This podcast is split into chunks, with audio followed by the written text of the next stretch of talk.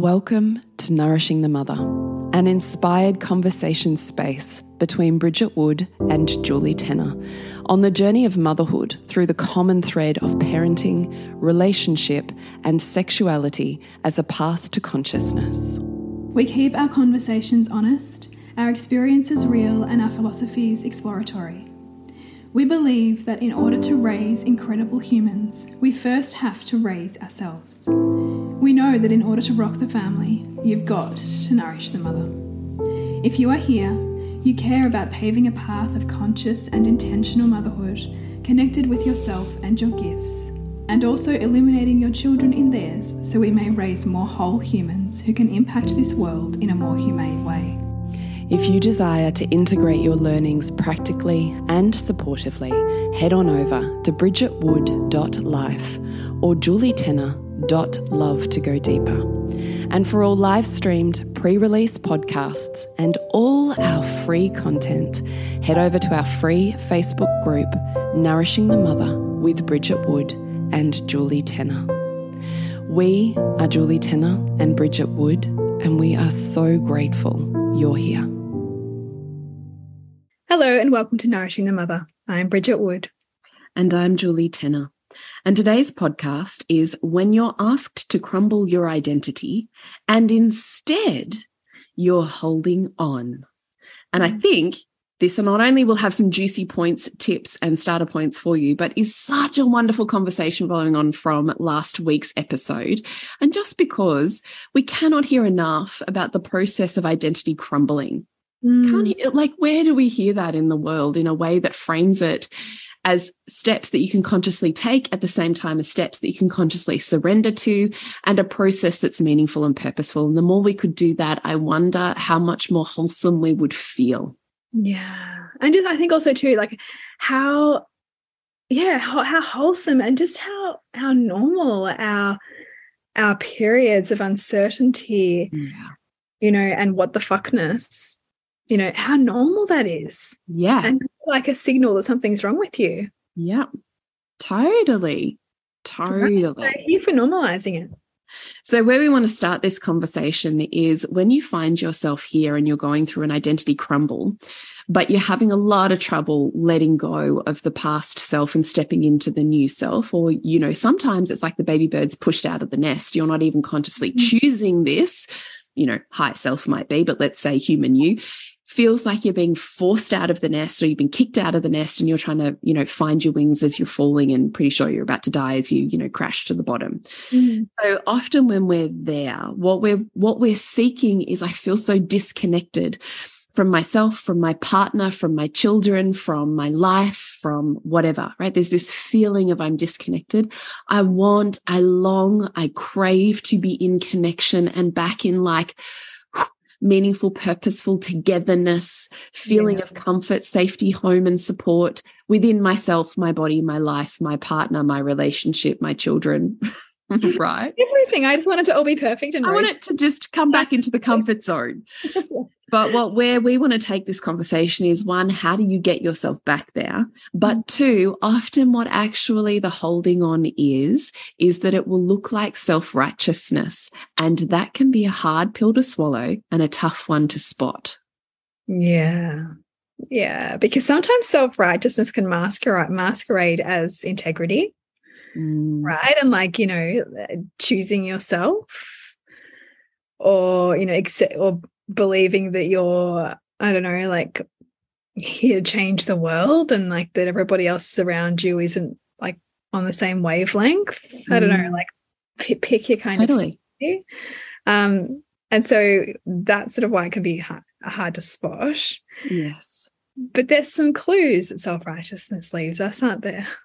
well, this is where we want to take it. Yeah. So when we opened up this call and we had a little riff, Bridge and I, about how we where we wanted to take this conversation, Bridgie so perfectly brought out two points in spotting self righteousness. And one of those was spot your thinking.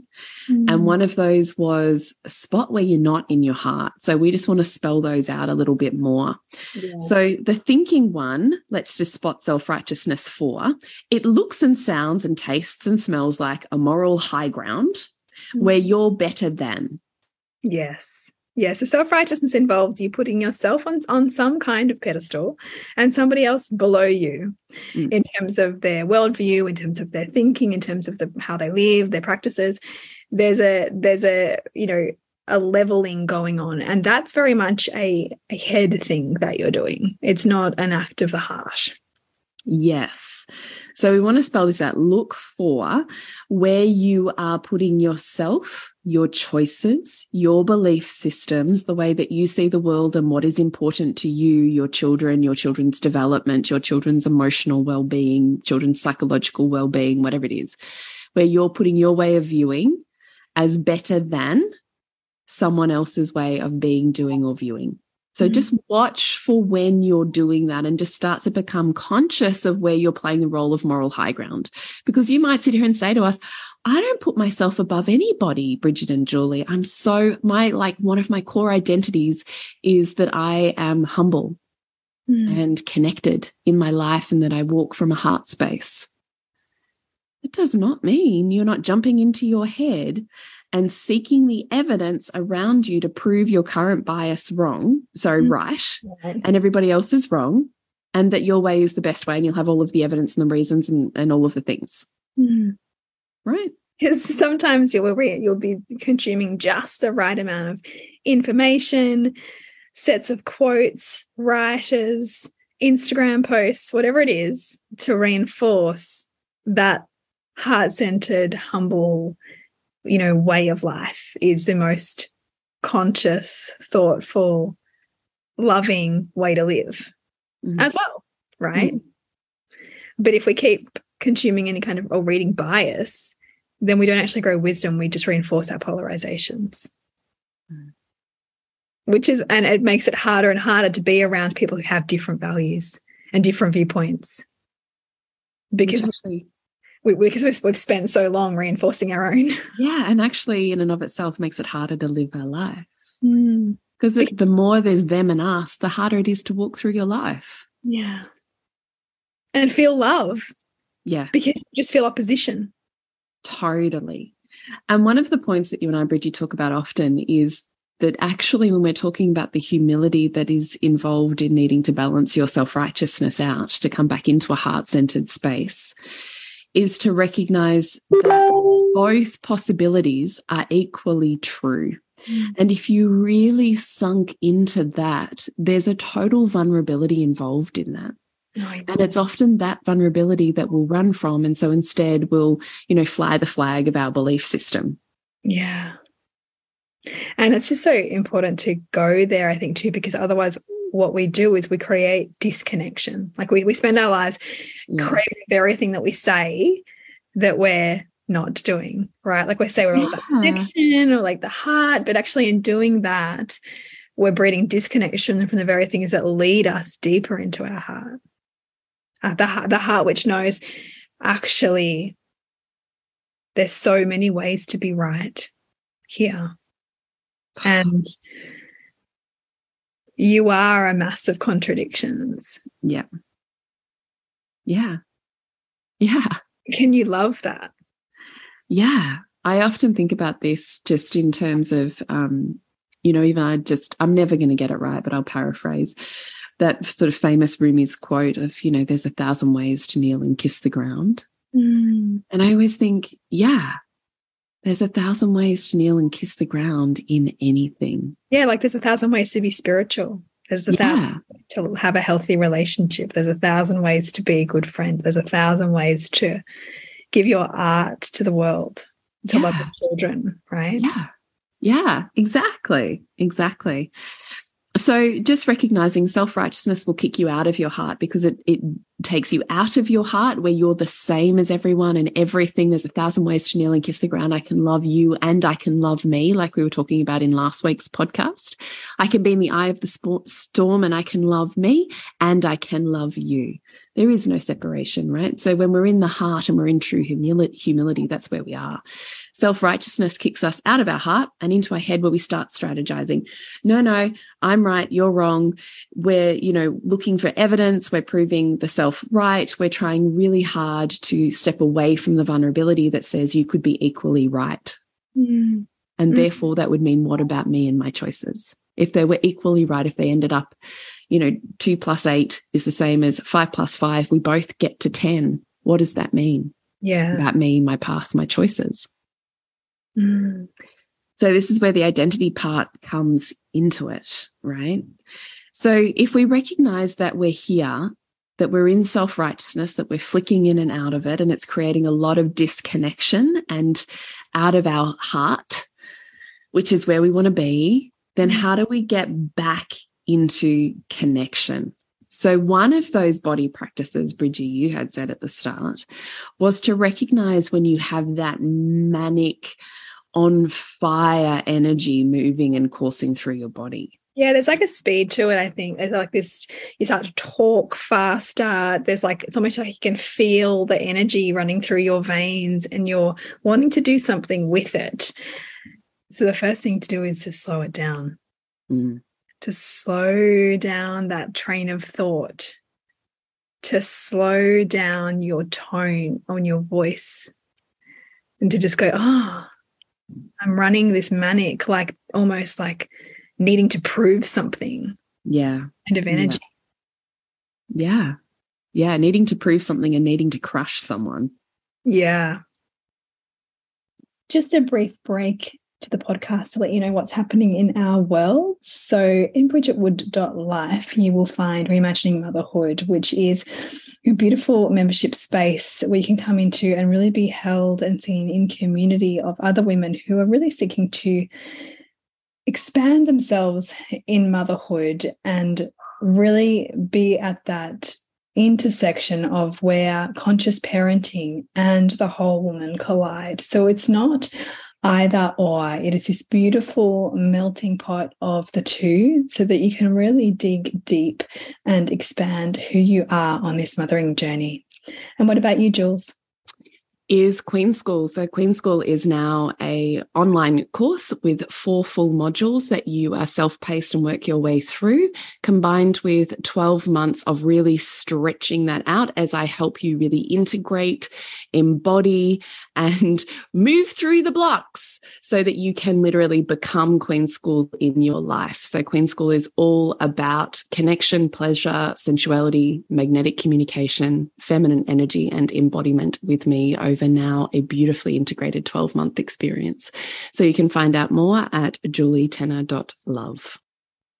And and just and I mean I think we'll get to this point too, but we it's a tool. Self-righteousness is a tool that we use and a strategy. Mm. It's not right, it's not wrong. We're not demonizing it here. But if you don't know and have awareness around how self how self righteousness plays out for you in your own like mind and life, then it can run you mm. because you're not aware then of how it's disconnecting you from others, of how sometimes it's taking you away from what's actually really important to you because you're attached to your righteousness. Mm, because it's giving you a lot of benefits, right? Yeah. Like even in the running of, I'm so capable and he's so collapsible. Mm. I do everything, they do nothing. You know, these sorts of self-righteous polarizations. We can derive a sense of worth from it. If we if we haven't found our worth in something else, or anchored into something that we're really certain is a slow burn and a, a, building of worth, or that we just have that inherent sense of worthiness, then self righteousness can be really great as a mm. good kick, right? Of like, look at all I've done and you're doing nothing. Look at all that I'm caring that I'm giving. Look at how much I'm focused on solving this and you're just not even thinking about it. Right? Like that that accusatory tone, that sense of like, I've got this covenant. What are you doing? Mm. like that. It's it's it's like one up and one upmanship. Mm. And one upmanship can give us energy too, right? Like it can wake us up. It can help us feel like we've got a mission to focus on. It can help us feel like we've got a sense of satisfaction. Yeah. If, if that process is is by extension crushing the people around us and disconnecting us from the people that we love, yeah. then it, it's kind of wreaking havoc. Yeah, we've got to recognize ungoverned. Right. We've got to recognize when a strategy is constructive and when a strategy is actually destructive for who we are and how we wish to live our current life and into our new identity. Yeah. Because the truth is, that strategy might have worked absolutely brilliantly for you when you were in your family of origin and you were a child. Mm. It might have worked brilliantly for you to back yourself 110%, got you through some pretty hard times, I'll bet. Mm. To know you didn't need anyone else or anything else, that you were so completely competent and capable that you could go get that job, go achieve that, whatever, whatever. Amazing. Mm. It's worked so well for you love it. But then there's a point at which you might need to leave that strategy because you've grown too big for it. Mm. Like you as a soul will eventually outgrow the strategy. Mm. And so that's when you meet these identity crises where you realize everything that actually, truly a more integrated soul, you now at this age and moving forwards into your lifespan, once holds true as a value in life, actually needs something a little different because it's destroying the very thing that you're wanting to create for future you because it's stuck in the past. Yeah. Right. Yeah. It's a strategy from old, smaller you. And, and and it's it's a strategy that's also supported by a whole bunch of neurochemistry that wants to keep it that way. yeah. Right. So we've also Totally. have like grace for ourselves in the changing of that strategy because that strategy has been initiated before you often even realize Yeah, totally. Because it's it's just a neural pathway. Right. Yeah. We just, keep going to keep going. I know. I think about this often.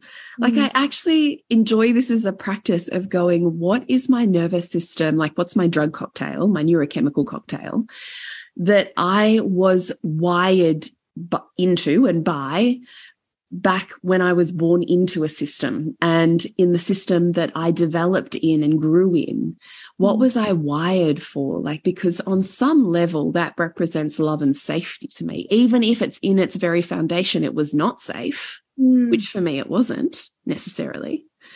There's part of me that always wants to, you know, turn the right latch, latch and key in my life now so that I return to that state because I know it. And there's a level of safety on a really deep level.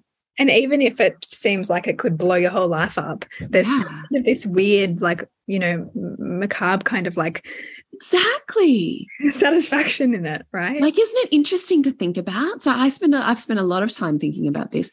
So whenever I go through one of these crises, I recognize that actually what I want to do unconsciously, when everything's up for renegotiation and you're scrambling to work out exactly what your new footing is, you'll revert to what you know is safe. Mm. And when you're in a moment of crisis and upheaval in whatever way that looks like, that's really going to be what conscious, integral, you know, integrity driven, stable, grounded you is. That's like, I've got no feet on the ground. What am I holding on to?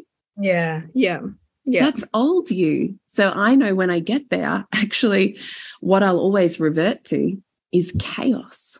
Because Mhm. on some level, chaos is incredibly safe for me. I know chaos, right? If I think about my family, because I, oh, I have thought about this for a while.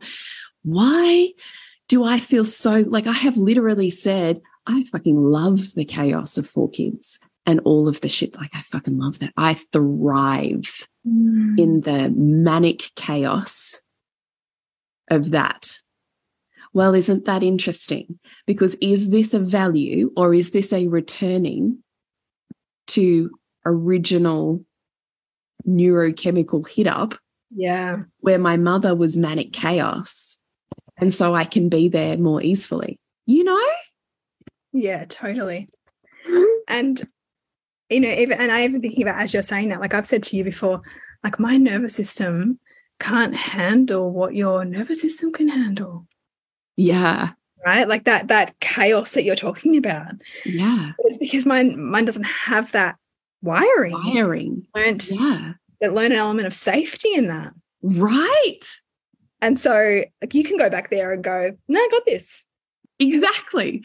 But what will happen is that strategy I will use and I will, if it's too calm and it's too like chill mode, there's part of me that it, if I'm going through a crisis like this, will want to just push the buttons to bring just enough. So I'll add in another thing. I'll up the ante on my life, what I want, what I'm achieving.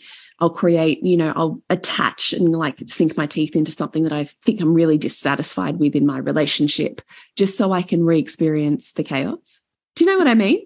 Yeah, yeah, yeah. So you're almost initiating another like batch in neurochemistry. Like there's not enough chaos. I don't know. I don't feel safe in this calm. I don't feel safe in this. Yeah. You know, like smooth yeah. sailing, like this, yeah. uh, this, you know, calm waters. Yes. I need something to challenge me into chaos yeah. and, and, govern myself through chaos again. Yeah. Cause I'm always like, why do I need this chaos? Mm. You know, like you see people addicted to drama patterns. There's always a big fucking drama. Yeah. Why do you need that?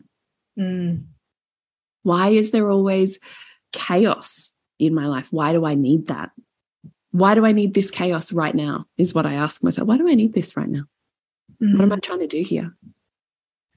Like, I just find that a really interesting line of, we've totally got off track, but what an interesting line of questioning. Yeah, totally. Because then you can start, to, you can start to go, gosh, like, the, like there's a pattern here. Like, yeah. You know, it's intensity. Or, you know, similarly, but, but conversely, you know, why this collapse here? Yes. Because for others, it can be, gosh, I just can't like get out of the mud. Yes. Or I just can't rise to this. Why? Yes. Yes. What that part of you is comfortable here? Yeah. What part of you needs this to create just the perfect environment of safety for your primal nervous system? Yeah. Yeah. Totally. Mm. So you know, let's bring us back on track here. Let's assume you notice that manic kind of energy. We want you to really get clear on what are the benefits that I'm getting out of this coping strategy. Like, how is this actually a co creation that works for me rather than me going, you're so, you're not enough, you're blah, and creating this rift between me and my partner or me and other. Mm-hmm. And instead of that spiral, what does it look like to go, hang on a minute?